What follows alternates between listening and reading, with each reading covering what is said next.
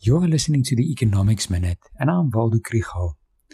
When I've been talking about the recovery of the economy after the worst of the pandemic and the lockdown, the figures were from the fourth quarter of last year.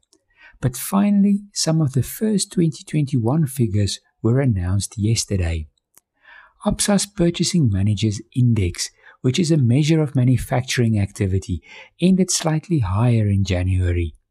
The 50 point mark is the dividing line between expansion and contraction, and the index is at 50.9.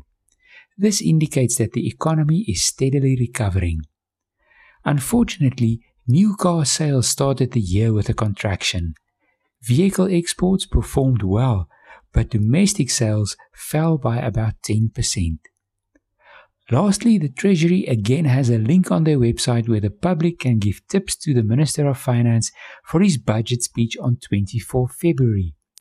One must remember that only government spending and taxes form part of the budget. So the minister can decide whether to give a lifeline to a state owned enterprise or not, but he cannot restructure that state owned enterprise. The implementation of all the wonderful plans is unfortunately not in his hands. So please go easy on him.